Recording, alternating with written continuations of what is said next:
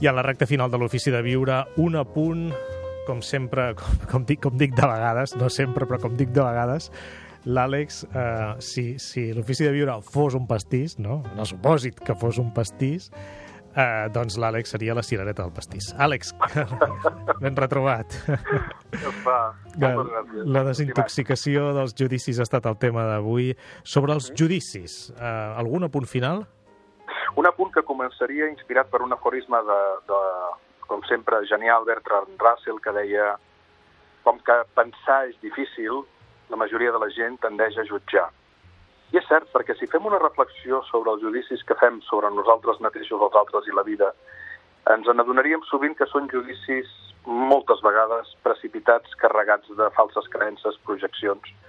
En aquest sentit, tornaria a suggerir la lectura de l'obra de Byron Katie, d'aquesta dona nord-americana que ha desenvolupat un mètode d'indagació que es diu The Work, el treball en anglès, i que també si entreu a, a qualsevol cercador i poseu el seu nom Byron Katie eh, amb K, eh, trobareu eh, com es pot fer aquest treball, que és molt senzill. Davant de qualsevol judici ens, hem, ens hauríem de fer quatre, quatre preguntes. No? Això que estem jutjant sobre un altre és cert? Primera pregunta.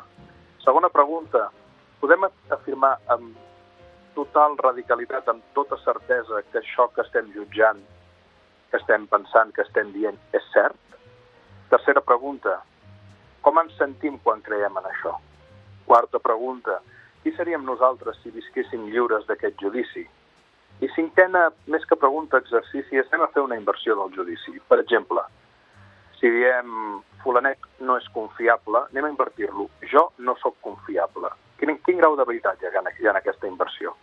I ens adonarem que moltes vegades, com s'ha dit en el programa, el que fem és utilitzar l'altre com un mirall, perquè segurament nosaltres eh, hi ha hagut vegades que no hem estat confiables. I jugar amb la inversió de la frase de diferents maneres, la Byron ho explica molt bé, no m'extendré perquè el bloc de notes per definició és greu, però convidaria molt a que coneixeu el treball de Byron Katie, que llegiu els seus llibres i que recordem la frase de Bertrand Russell, no? que com pensar és difícil, tendem, tendim a fer eh, judicis eh, que són sumaris executius. Àlex Rovira, moltíssimes gràcies. Una forta abraçada. Fins diumenge.